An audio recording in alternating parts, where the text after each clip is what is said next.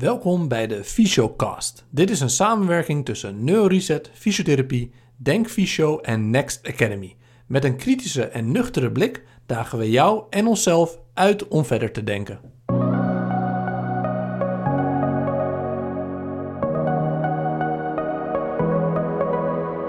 Welkom bij een extra aflevering van de Fysiocast. We spreken vandaag met Maxime Kerstold over blessures en herstel.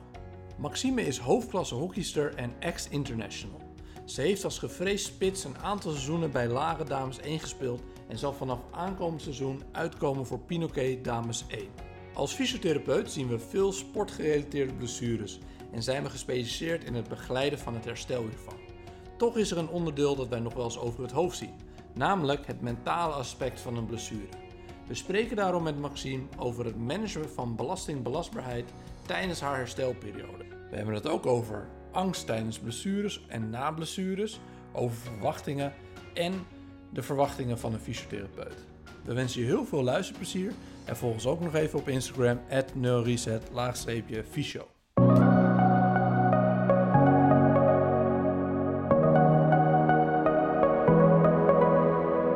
Yo, we gaan het vandaag hebben over blessures in de hockeysport. Uh, we hebben in de vorige podcast met Mark Jansen het ook al gehad over blessures. En in deze podcast hebben we redelijk uh, de technische kant van blessures bekeken. Dus uh, welke blessures komen het meeste voor? Aan welke spieren? Hoe kan je dit het beste voorkomen of trainen om er goed van te revalideren? zeer interessante podcast. Als je hem nog niet hebt geluisterd, het is nummer 13 van ons rits aan podcast. Zeker. Maar we gaan het vandaag hebben over iets anders. En dat is iets wat we als therapeuten en met name als fysiotherapeuten denk ik nog best wel eens kunnen vergeten. Namelijk dat er ook nog een mens achter een blessure zit. En daarom zitten we vandaag met een echt mens, Maxime Kerstelt. Hallo. Uh, Maxime, wil je jezelf even kort voorstellen? Zeker. Um, ik ben Maxime Kerstelt. Ik ben net 25 jaar geworden. Ik woon in Amsterdam en ik uh, hockey ja, niet meer bij Laren. Ik heb negen jaar bij Laren gehockeyd, maar vanaf uh, volgend jaar ga ik bij Pinoquet hockeyen. Dus um, uh, ik ben bijna afgestudeerd. Lekker. Ja. Morgen, hè? Nou ja, morgen inleveren. Dan morgen inleveren. Ja, ja, ja. Maar bijna, bijna, bijna. Oké, okay, leuk. Uh, je zit hier natuurlijk omdat we het over blessures gaan hebben. -hmm. En mogen we je daarin al een ervaringsdeskundige noemen? ja. ja. Ja? dat kan inmiddels wel, ja. Ja? Ja? ja. Oké. Okay. Uh, zou je in een soort korte tijdschets kunnen duiden wat voor blessures of kwetsuren je allemaal hebt gehad? Ja. Um, ik heb in principe, was ik nooit echt blessuregevoelig. Zeg maar, ik heb mijn hele jeugd eigenlijk niks gehad. Sommige mensen gingen altijd een enkel, of andere mensen gingen altijd, die hadden altijd wel iets. En dat had ik nooit, totdat ik 18 werd. En ik had een, um, een groot toernooi in China, Jeugd Spelen. Daar mocht ik toen mee uh, naartoe. En daarvoor had ik al last van mijn knie, gekregen. Uh, maar goed, hè, ik, wilde per se mee naar het toernooi. Dus daar zat ik voor aan de pijnstillers. En dat ging allemaal prima. Tot het moment dat ik terugkwam en weer bij Laren. Echt de dag daarna moest ik ook meteen met Laren uh, spelen of trainen. En ja, toen kwam ik het clubhuis in. En ik moest de trap op. Toen dacht ik af, oef, dit doet heel veel pijn aan mijn knie. Het was een beetje een stekende pijn. Toen probeerde ik een rondje te rennen en het lukte echt voor geen meter. En um, toen ben ik gelijk naar de fysio gegaan. Die zei van, oh joh, is een beetje overbelast. Uh, dat duurt waarschijnlijk drie weken. Even. Uh, uh, maar dan ben je er wel vanaf. Hm. En dat heeft uiteindelijk een, een jaar geduurd. Um, dus dat liep iets anders dan verwacht. Maar goed, dat was mijn 18 tot mijn 19e. En ik heb vorig jaar vanaf op mijn 23e een, een heupoperatie gehad. Want ik had een scheur in mijn uh, labrum, volgens oh. mij. Hm. En daar, daar heb ik heel veel, had ik drie jaar ook last van. Dus eigenlijk ben ik een beetje overgegaan van het een het ander. En dezelfde kant ook. Uh, en uh, dat is uiteindelijk verholpen door middel van een operatie. En dat gaat nu helemaal goed. Uh, alleen wel totaal andere blessures, omdat de ene ja, met een operatie werd verholpen en de ander werd verholpen door middel van ja, niks doen en revalideren. En dat heb ik ook wel heel anders ervaren. Maar je zegt, uh, het voelt alsof je van de een in de ander bent gerold. Heb je een periode pijnvrij kunnen hockeyen? Jawel. Tussen die blessures in? Ja, ik heb zeker pijnvrij gehockeyd, maar ik heb altijd gedacht eh, dat mijn heupblessure al veel langer aan de gang was. Ik heb het gevoel dat het steeds erger was geworden. Op een gegeven moment was het gewoon niet meer draaglijk. Ik kon niet meer hockeyen of kon Mhm. ik niet- meer rennen. En dat zat er volgens mij al wel een tijdje. En mijn orthopeed heeft toen ook gezegd dat een labrumletsel zomaar kan ontstaan door middel van een gekke draai die je maakt of zo. En Een ik, verstapping of iets Ja. in die richting. Ja. ja, en ik dacht dat dat al veel eerder was gebeurd dan... Het is niet een moment geweest op het veld in dat jaar dat ik dacht... oh, nu, nu kan ik niet, nu, nu scheur- scheurt het erin of nu is het kapot of zo. Totaal niet. Dus daarom heb ik gewoon 18, 19 jaar eh, die eh, knieblessure gehad. En toen ja, twee jaar pijnvrij. Maar toen sloop het er langzaam weer in. Totdat het Hm. gewoon niet meer... Toen dacht ik, nou, ik kan, kan er wel even een beetje rekken. Maar op een gegeven moment ging het gewoon echt niet meer. Nee. Nee, Had je echt altijd pijn dan? Ja, ik, Op dat Ik- laatste stuk, zeg maar. Ja, toen kon ik echt eh, ja, met burpees weet ik nog heel goed. Dan moesten we op het veld altijd heel veel burpees doen als je een goal had gemist. Nou, toen miste ik nog wel wat goals. En toen moest ik mijn benen naar achter, ik moest dan springen naar achter en dan weer naar voren. En ik kon gewoon niet met mijn rechterbeen het normaal naar voren brengen zonder dat ik gewoon ja, heel veel pijn had. En ook in klasjes die ik deed, in yoga die ik deed. Dus toen dacht ik op een gegeven moment, nou ja, dit is niet helemaal, is niet helemaal oké meer. Ik zeg maar, pijn heb je, heb, nou, heeft een topsporter natuurlijk wel vaak, maar deze pijn was natuurlijk niet helemaal goed.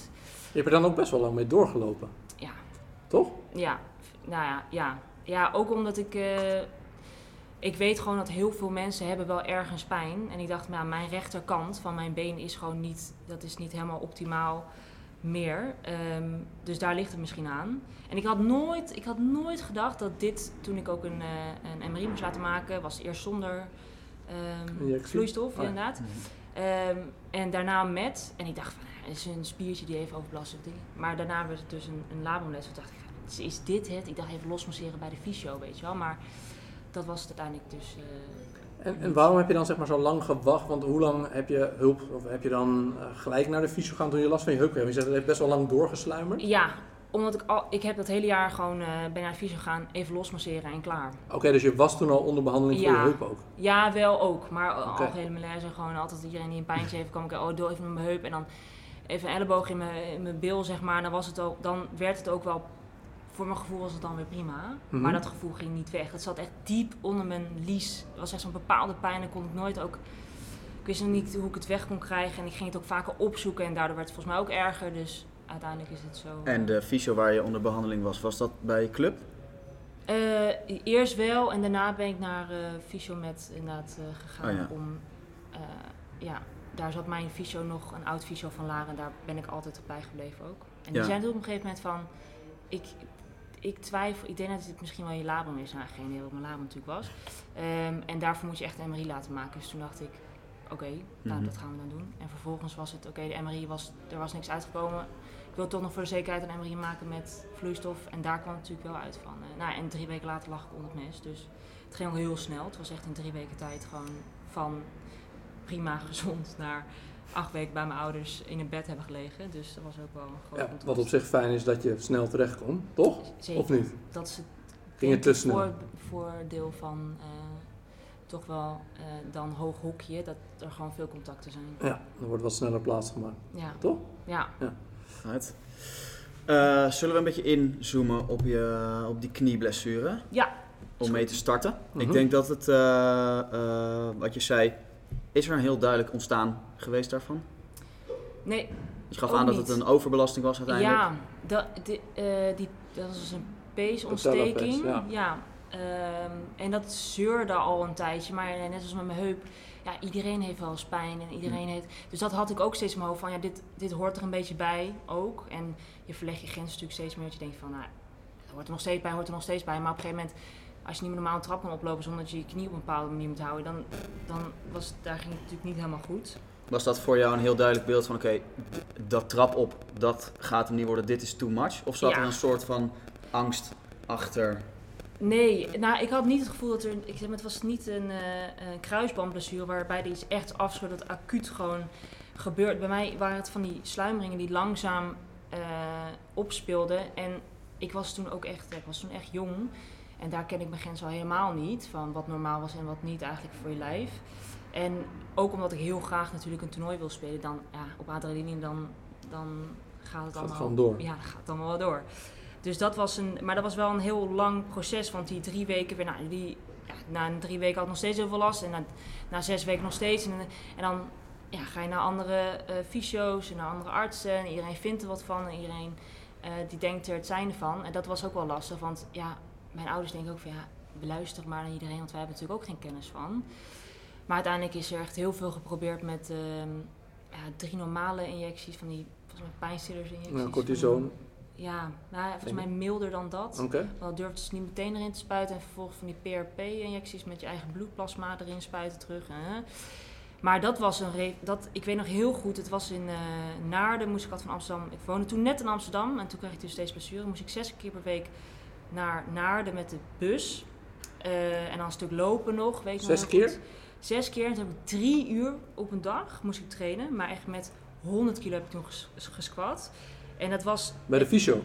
Bij de fysio. Ik was okay. En dan was het, daarna was het naar studie. En is met mijn leven soms echt uit te revalideren. En naar fysio. En ik heb van die... Nou, echt alles heb ik geprobeerd voor die knie. Terwijl ik, als ik dus even terugkijk op mijn tweede blessure, daar heb ik het zo anders aangepakt. Ik heb echt gevoeld van, wat vind mijn lijf nu fijn? Zeg maar bij drie dagen niks gedaan in een week ook soms. En soms een week niet eens gerend of zo, omdat ik geen, geen zin had, maar ook geen tijd had. Ik dacht van, nou, het komt allemaal wel. En ik ben er fitter dan ooit uitgekomen. Bizar. Ja, puur... Uh, ja, bij mijn knie was het gewoon heel erg gefocust op mijn knie, knie, knie. En bij mijn heup was het oké. Okay, het was ook van, ik kan niks bij mijn heup. Uh, ik ben geopereerd, dus ik moet echt langzaam weer stap voor stap uh, terugkomen. En dat was ook een heel duidelijk schema van je moet eerst dat zo vaak doen, vijf keer je been op tillen en dan ga je daarna. Dus dat was ook, dat is natuurlijk, in principe vond ik dat makkelijker. Ja, dat is ook natuurlijk wel uh, het verschil in de soort klacht. Hè? Want bij de ja. Gaat het echt over een overbelasting, ja. tendinopathie.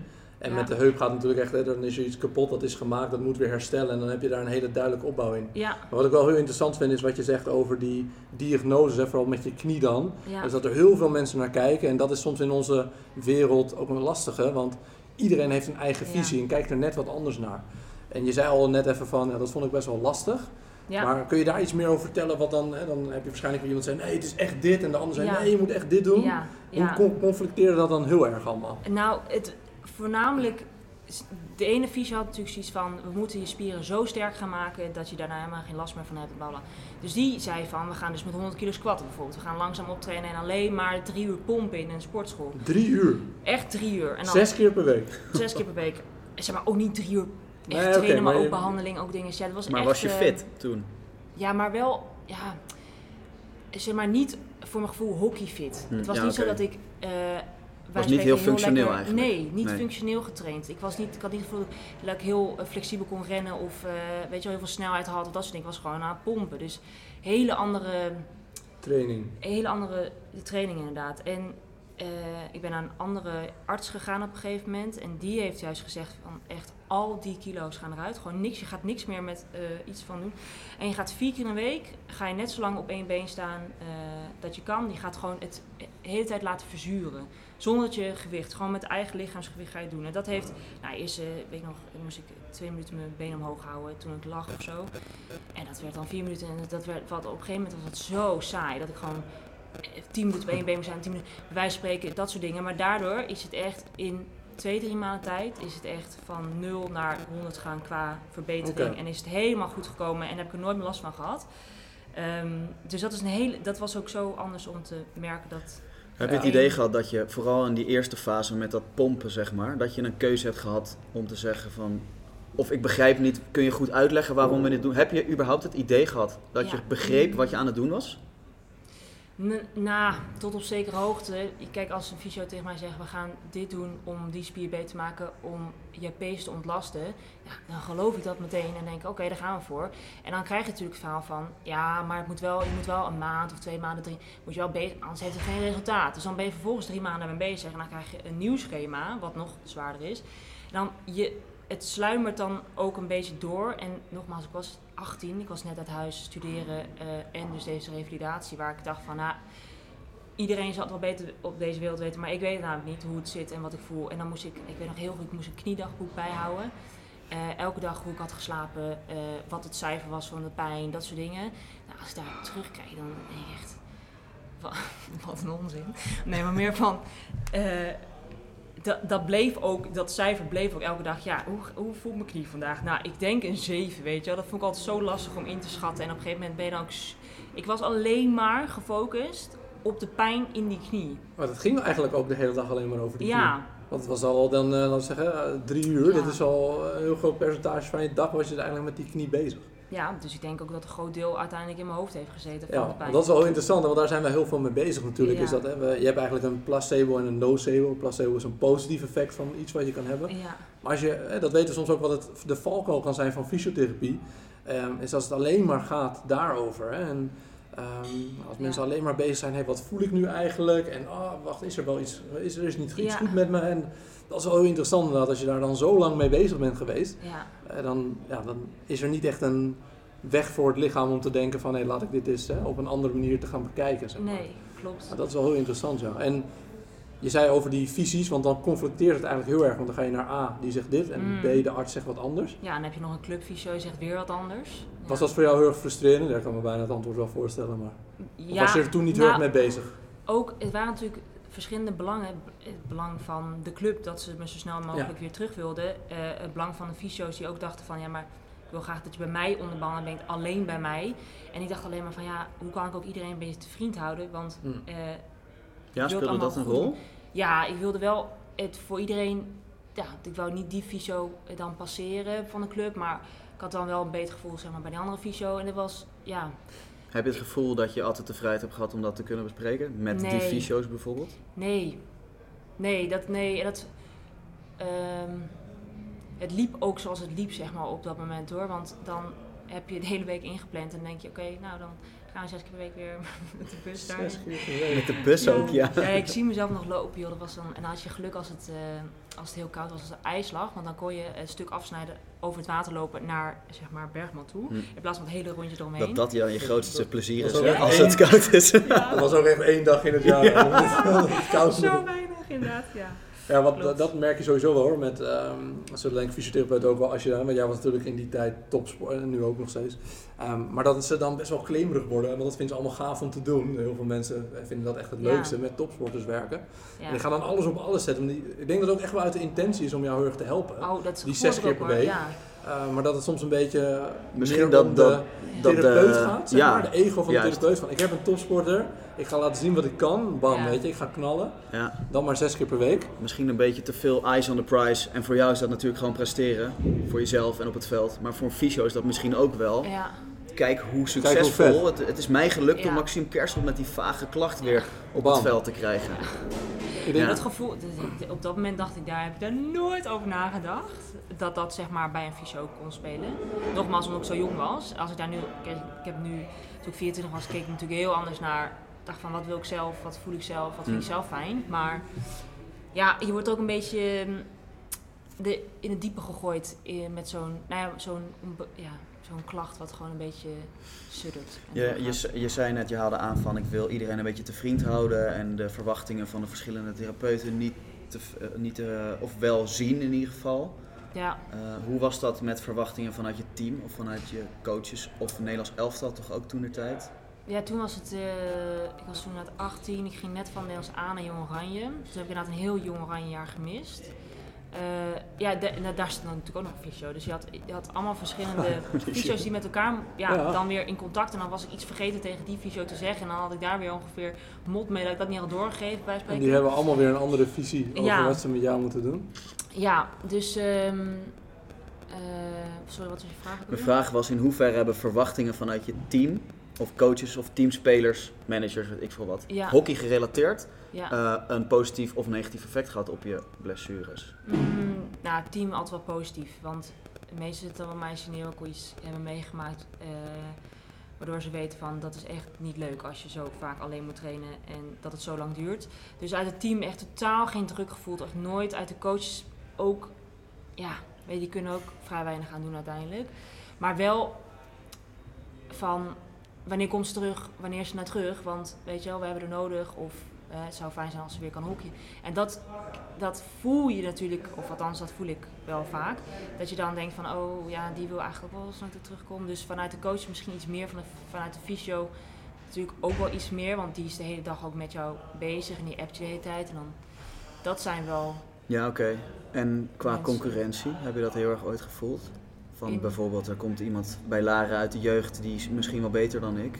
En fit. Ehm, Wat natuurlijk Ja. volgens mij een groot goed is voor een coach, een fitte speler. Ja, ja, zeker. Nou, dat, ik heb dat eigenlijk nooit gevoeld. Omdat ik ook alleen maar bezig was met eh, beter worden, overleven. En ik dacht wel van, eh, als ik er weer ben, dan ben, dan, dan ben ik er ook wel weer. Ik Hmm. was nooit bang voor het, ik kan nooit mijn hok, het- ik ben het kwijt, zeg maar, na een jaar of zo. Ik dacht wel van, als ik paar keer een bal, sinds na een zomervakantie, een paar keer een bal en weer, dan heb ik het wel weer. Dat, dat duurt natuurlijk wel iets langer dan een paar, een week of een twee weken. Maar dat, eh, nee, dat gevoel had ik eigenlijk niet Maar zo. ook niet dat het van een... Want ik denk dat jij ook bedoelt is van... eh, Je zit natuurlijk op het hoogste niveau dan, toch? Mhm. En heel veel mensen willen dat. Ja, Maar je had dan niet het idee van... Oh, iemand gaat dan... Ja, en kunnen dat. Ik bedoel natuurlijk, vrouwenhockey in Nederland Best wel groot. Ja. best wel groot. Dus er zijn Ja. best wel veel... ja nou waarschijnlijk. ja, eh, dat is dus ook het vertrouwen van Lage geweest. Dat ze altijd hebben gezegd van, ik had wel echt twee goede jaren bij Lage gedraaid daarvoor. Ehm, en als spits word je natuurlijk afgerekend op de goals. Nou, dat was dus niet echt zo'n goed, groot succes. Maar die twee jaren wel heel erg. Zij weten natuurlijk ook wel wat je... Ja, je bent zo goed als je laatste wedstrijd. Dus eh, dat heeft natuurlijk lang ook geduurd. Maar ze wisten wel van... Ik was natuurlijk nog heel jong. Dus als ik 28 ben en eh, dan nog zo'n knieblessure, dan denken ze misschien moeten we jou inruilen van jonkie. Maar nu was ik zelf nog een jonkie, dus dan Juist. geeft het iets meer tijd, denk ik ook wel, dan meteen eh, je... Ze hadden al twee jaar geïnvesteerd, dus dat is natuurlijk ook wel Ja. misschien een afweging geweest voor hen. Van moeten we weer helemaal iemand opnieuw opleiden, wat ook heel veel tijd en energie kost. Ja. En als je teruggaat naar dat jaar, zeg maar, want dat, dat vond ik wel een heel interessant jaar. Met al die fysio's en dingen. Wat had jij dan van de fysio, als je nu erop terugkijkt, kijkt, wat zou je dan anders hebben willen zien van een, een? Was dat meer samenwerking, transparantere ehm, communicatie of toch misschien sneller een, een ander eh, opinion erop, dat het niet zo claimerig was? Wat was Ja, hoe kijk jij daarop terug? nou, het werd heel lang vaag gehouden van... Ja, we gaan nu een tijdje gewoon dit proberen. En als het niet lukt, gaan we dat proberen. Zeg maar een beetje zo. En ja, natuurlijk, dan ga je dat allemaal een beetje proberen. Maar een, ik snap dat het heel moeilijk is met zo'n blessure. Maar met een iets duidelijker plan van... Dit is waarschijnlijk wat het is. Gewoon een peesontsteking. En dat kan zo lang duren. En niet drie weken zeg maar. Dat kan echt van drie weken tot een jaar duren. In Ja, plaats soms van... tot twee jaar. Ja, Ja, dat, is echt, dat kan eh, echt lang Of duren. soms oneindig. Ja, oh, nou dat hebben ze ook een keer tegen me gezegd. Dat Ja. ik ook nog wel, ja. Toen dacht ik, nee, nee, nee, dat, gaat, dat gaat niet gebeuren. Ehm, maar een iets duidelijker plan. En wat ik bij mijn heup wel fijn vond, dat er gewoon één iemand de lead heeft van... Dit gaan we doen. Dit gaan we doen. En die doet de communicatie ook naar de andere fysio's. Die pakt dat stuk ook op, want ik kreeg er stress van... Dat ik inderdaad de fysio van Jong Oranje of de, eh, weet je, de, de, de arts van daar, of die, dat ik dat zelf al moest contacten. Terwijl ik ook dacht van ja, al die termen. Ik heb geen idee wat hij eigenlijk allemaal zegt, maar ik typ maar een beetje over. En dan weet je wel, een beetje zo. Ja. En dat is, zij, ja, diegene heeft de kennis en die kan die kennis ook overbrengen. Ik heb geen kennis daarover. Nee. Dus dan ja, vergeet ik ook de helft wat hij heeft gezegd. Dat ook nog. En dan, Dus als ik dat samenvat, gaat het vooral voor jou om hè, dat je wel duidelijk zelf weet in je eigen woorden wat je nou precies hebt. Ja, Niet in die moeilijke zeker. woorden. Dat er een duidelijk eh, gericht plan is, hè, die uiteraard wel flexibel kan zijn. Maar dat zijn eigenlijk de, de belangrijkste punten. En dat je dus niet de hele tijd bezig bent te schipperen. Die Ja. moet ik eh, dit zeggen, die moet ik dat zeggen. ja, Dat is, En daarnaast ook na het, we, hadden het net inderdaad over het ego-stukje, maar dat heb ik alleen gemerkt toen eh, het heel lang, eigenlijk kon die fysio me niet echt helpen, maar die heeft heel lang geprobeerd dat wel te doen. En daarna heeft hij me pas overgedragen aan iemand anders, maar dat had, had Sneller hij, ja, had hij eigenlijk eerder moeten doen van, dit is buiten mijn Ja. zeg maar, ga naar die, want die heeft daar echt meer verstand van. Ja. Ja, want even één, dit is niet een aanval zo op iemand, ook niet op de fysio of op jou, maar als je maar het gaat over een pace overbelasting, hè, dan is er een verschil in de belasting en de belastbaarheid, dus wat Ja. je aan kan en wat je ermee doet. Maar wie, heeft er nooit iemand gedacht van, oké, zes keer per week trainen, dat is wel, ja, want als je zeg maar de, mm, nou dat weten we nu allemaal uit onderzoek, maar er is een bepaalde hersteltijd voor een pace, Ja. Nou, die is 48 uur. Maar er heeft nooit iemand gezegd van, ja, maar hoezo als je al een overbelasting hebt, waarom ga je dan nog meer... Ja, dan ging je, ging je maar twee dagen ging je armen doen en dan ging je een dagje... je Ah, oké, je ging echt alles, Ja, het echt was niet alles. alleen per de dag pace. was het echt, nee, nee, niet alleen maar de pace, maar. Nou wel veel moet ik zeggen, maar het was heel veel verschillende, eh, ja, heel veel verschillende dingen. Ben je daar met tegenzin ook heen gegaan? Op momenten? Eh, ja, heel weinig eigenlijk, met tegenzin. Altijd wel gedacht van. Maar eh, kijk, je- zoals we het nu, en misschien is het niet helemaal een correcte vraag, omdat we nu zeggen met terugwerkende kracht, hoe je erop terugkijkt, zijn er best wat punten geweest die niet oké waren. Ja, hoe komt het dan dat je nu zeg maar zegt, eigenlijk ging ik er niet zo vaak met tegenzin heen? Omdat ik steeds dacht van, ehm, deze dag die heb ik weer, eh, staat weer een vink achter en nu wordt mijn knie weer beter. Ja, precies. ik dacht Ja, oké. altijd weer van, Ja. Ze had er wel eh, vertrouwen uiteindelijk. Ja. Ja, oh, dat, dat zeker. Ik had nooit gedacht van, ook het gaat nooit meer weg. Dat heb ik niet echt gehad, maar het was, Nee, oké, dat, maar dat is denk ik vertrouwen in een goede afloop in het algemeen. Ja. Maar het vertrouwen in een therapeut, speelt, heeft dat een rol gespeeld? Eh, ja, jawel, want dat, het duurde op een gegeven moment wel heel... Dat was inderdaad het vertrouwen misschien in, een thera in de therapeut die, ik een beetje kwijt ging raken. En daardoor ook met mijn, eh nou, naar sector ben gegaan, naar een andere arts. En die heeft me toen heel goed geholpen. En dat was bij mijn eerste blessure. En bij mijn heupblessure was het meer dat ik het vertrouwen in mijn lijf even kwijt was. Omdat ik dacht, na acht maanden had ik nog steeds, dus revalideren acht maanden, nog steeds echt veel pijn. Ik dacht van oké, arts heeft wel gezegd dat 20% kans is dat het niet eh, goed herstelt. Of dat mensen nog steeds dezelfde pijnklachten hebben. Het gaat me dan niet gebeuren dat dit zeg maar nu zo blijft. En dat zijn pas die laatste drie, vier maanden geweest dat het dus helemaal weg is getrokken. Terwijl, eh, ja, ik vond inderdaad acht maanden...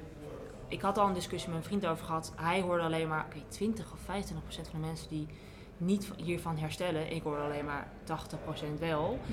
Eh, daar hadden we toen al een beetje een discussie over van... Hij hoorde alleen maar, je moet de rest van je leven nog met die heup. Waarom zou je nu opereren? Je bent 23.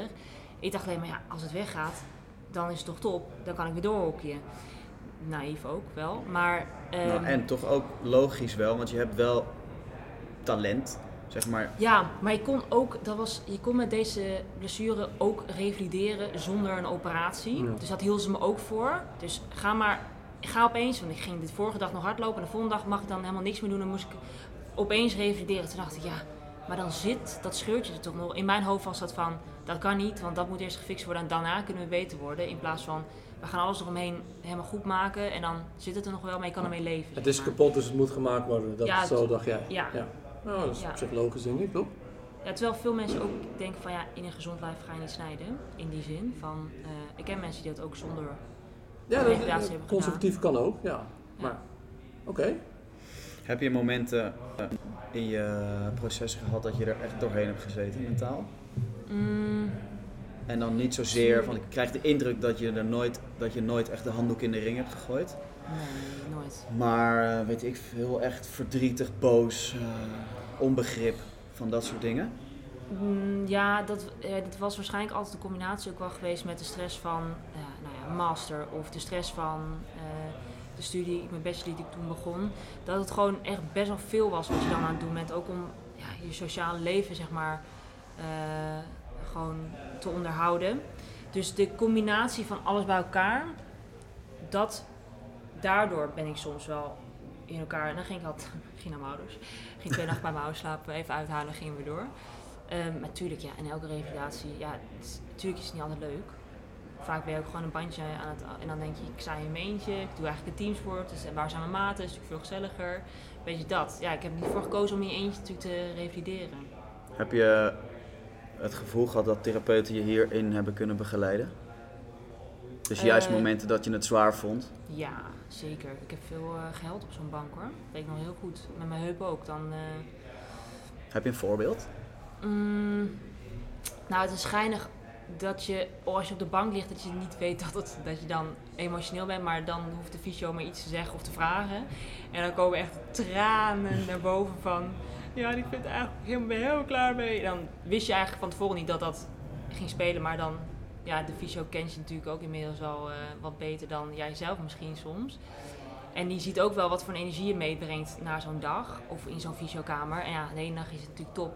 Het is ook een beetje Jantje lacht, Jantje helpt mij. Dus dit is van, eh, hij voelt het ook aan. Dus hij hoeft ook maar iets te prikken en dan Ja. is het aan.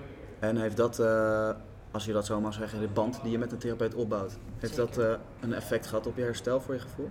Ja, ik had een, is, nou ja, als ik terugkijk op mijn heup nu, dat is natuurlijk kort geleden, had ik een super goede band met mijn fysio. Ook met, ik had een, uiteindelijk drie fysio's, ook één voor het lopen en één voor het meer op kracht en één voor het explosieve deel. Dus ik was ook wel, het wisselde ook wel door, maar daar heb ik een super goede band mee opgebouwd uiteindelijk. Want je, ja, op de fysiobank vertel je natuurlijk alles van je hele dag, van je hele week. Die, weet, die is helemaal op de hoogte van Best wel intiem, toch? Ja, je zit altijd op, eh, dicht bij elkaar. En, eh, ja. ook over het leven van, van, van hem of Mhm. van haar. Dus dat is natuurlijk ook, het bindt, ja, je moet wel goed kunnen vinden met je fysio, denk ik altijd. Maar Ik denk dat het ook wel een van de basisdingen is. Als dat er niet is, dan is sowieso een hele Ja. lastige revalidatie. ja, Ja, zeker. er moet altijd wel een soort van eh, klik zijn, zeg maar, ja, zeker. als basis. Ja, Zeker.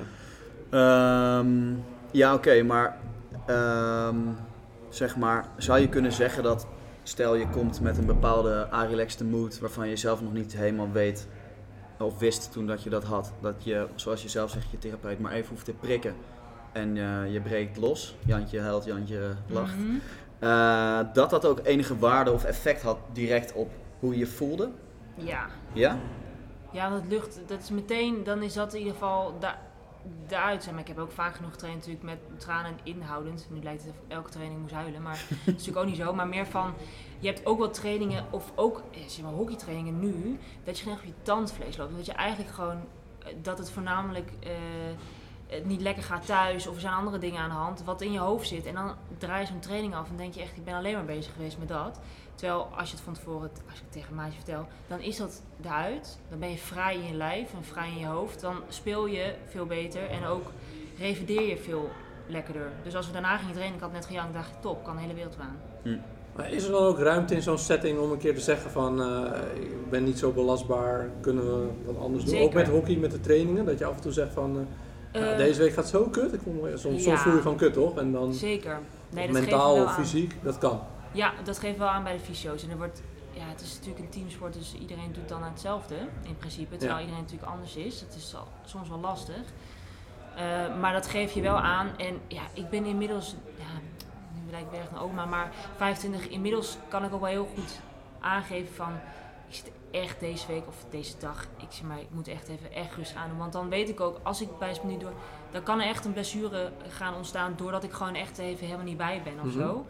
Ehm, maar ik kan me voorstellen als je natuurlijk ook jonger was, dat doe je dan weer niet. Zeg maar. dat, En dat, is- dat is misschien ook weer het voordeel geweest van de ervaring die je hebt gehad met je blessures, dat je misschien veel beter nu bent gaan luisteren. Zeker. Toch? Want je zei ook Ja. volgens mij met je heup dat je niet zo wat minder ermee bezig was, dat je gewoon echt hebt gevoeld. Ja, Toch? Ja En als je daar dat verschil zou moeten benoemen, hoe eh, is dat dan in de revalidatie geweest? Dat je ook af en toe zei van, joh, ik ga vandaag niet eh, Ja. revalideren, want ik voel me gewoon niet lekker? Ja, Of eh, ja, ik ik, heb heb wat anders, eh, of?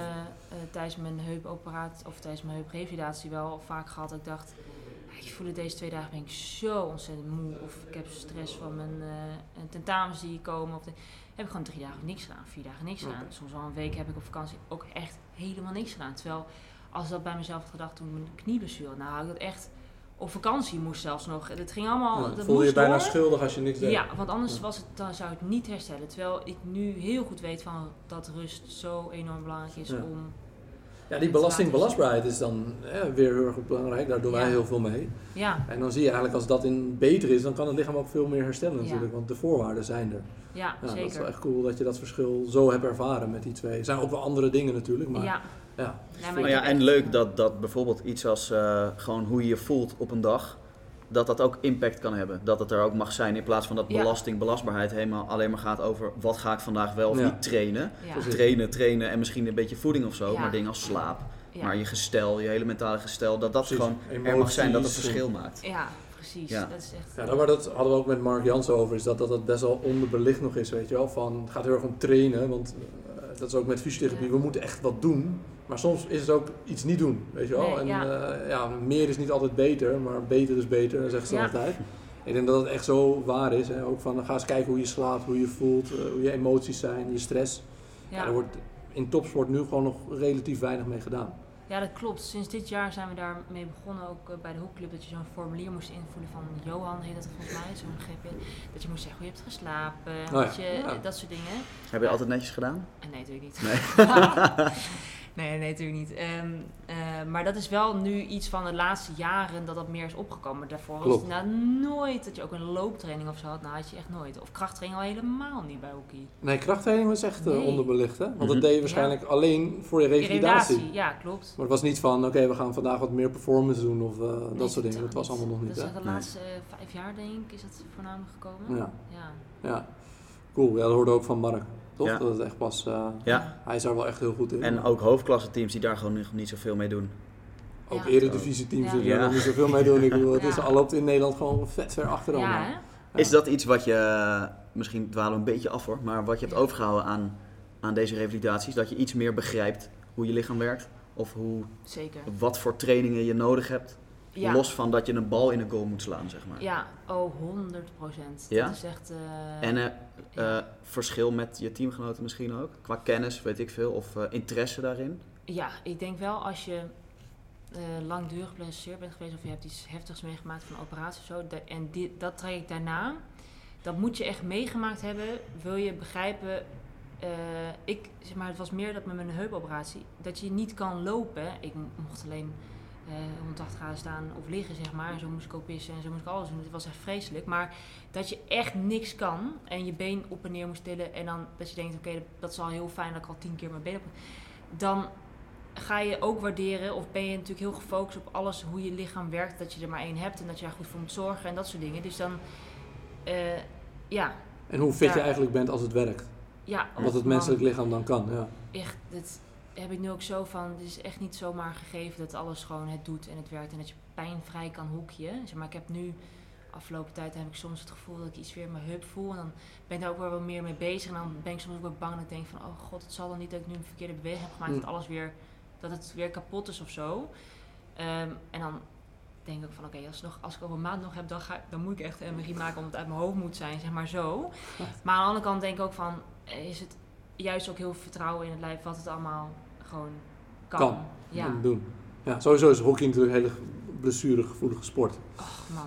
Eh, dat is Ik ken bijna soms, niemand die geen, Nee. geen blessure volgens mij na het voetbal een van de hoogste, toch? Ik weet die Oh. statistieken even niet. Een, een, volgens mij was het hoger als voetbal nog. Ik weet het niet meer. Nou, de helft van mijn team heeft, een- heeft een kruisband eraf Ja, gescheurd. dus en de positie en de hoge snelheden en dat soort dingen. Dat is en gewoon al die verstoringen, Verstoringen. fysieke tijdsdruk.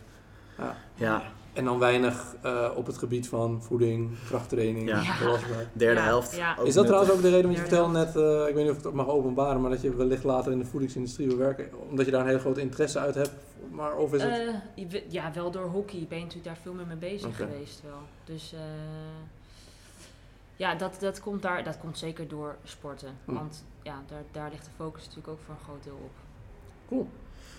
Ehm, ben je, even terughaken op het vorige, ben je met hockeyen angstiger geworden in het veld?